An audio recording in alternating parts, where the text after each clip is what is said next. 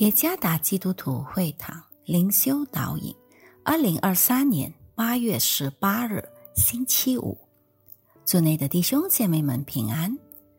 今天的灵修导引，我们将会借着圣经马太福音第五章第六节来思想今天的主题：饥渴慕义。作者吴恒仁，音乐老师。马太福音第五章第六节。饥渴慕义的人有福了，因为他们必得饱足。人体的主要需求之一是饮食，人若饿了就需要食物，渴了就需要喝水。当这些需求得以饱足之后，他就会感到满足。此人将继续集中注意力和思想。来获得满足感。然而，当他得以饱足之后，他就不会再去寻找其他的东西了。今天的灵修经文里教导我们有关真正幸福的含义。耶稣对此教导并没有任何隐藏的意义，所以听众都能清楚的了解真正的幸福。与满足是息息相关的。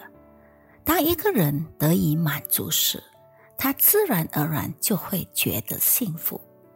这段经文清楚的表明，我们对真理的渴望将使我们在与耶稣基督的经历中得以饱足。饥渴慕义的人，意味着他无法满足自己，认为自己是一个。软弱无力的人，唯有圣经的真理才能完全满足他的心。除此以外，他的内心深处渴望按照圣经的真理生活，以致他对上帝和圣经话语的认识不断增长。当一个人不再让基督在他生命中居首位时，他就永远无法得以保足。让我们常常以一种饥渴慕义的态度与上帝保持亲密的关系，这样的话，我们在言语和行为上就会越来越像基督，按照圣经的话语而活吧。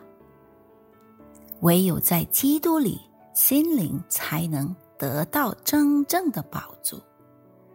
愿上帝赐福于大家。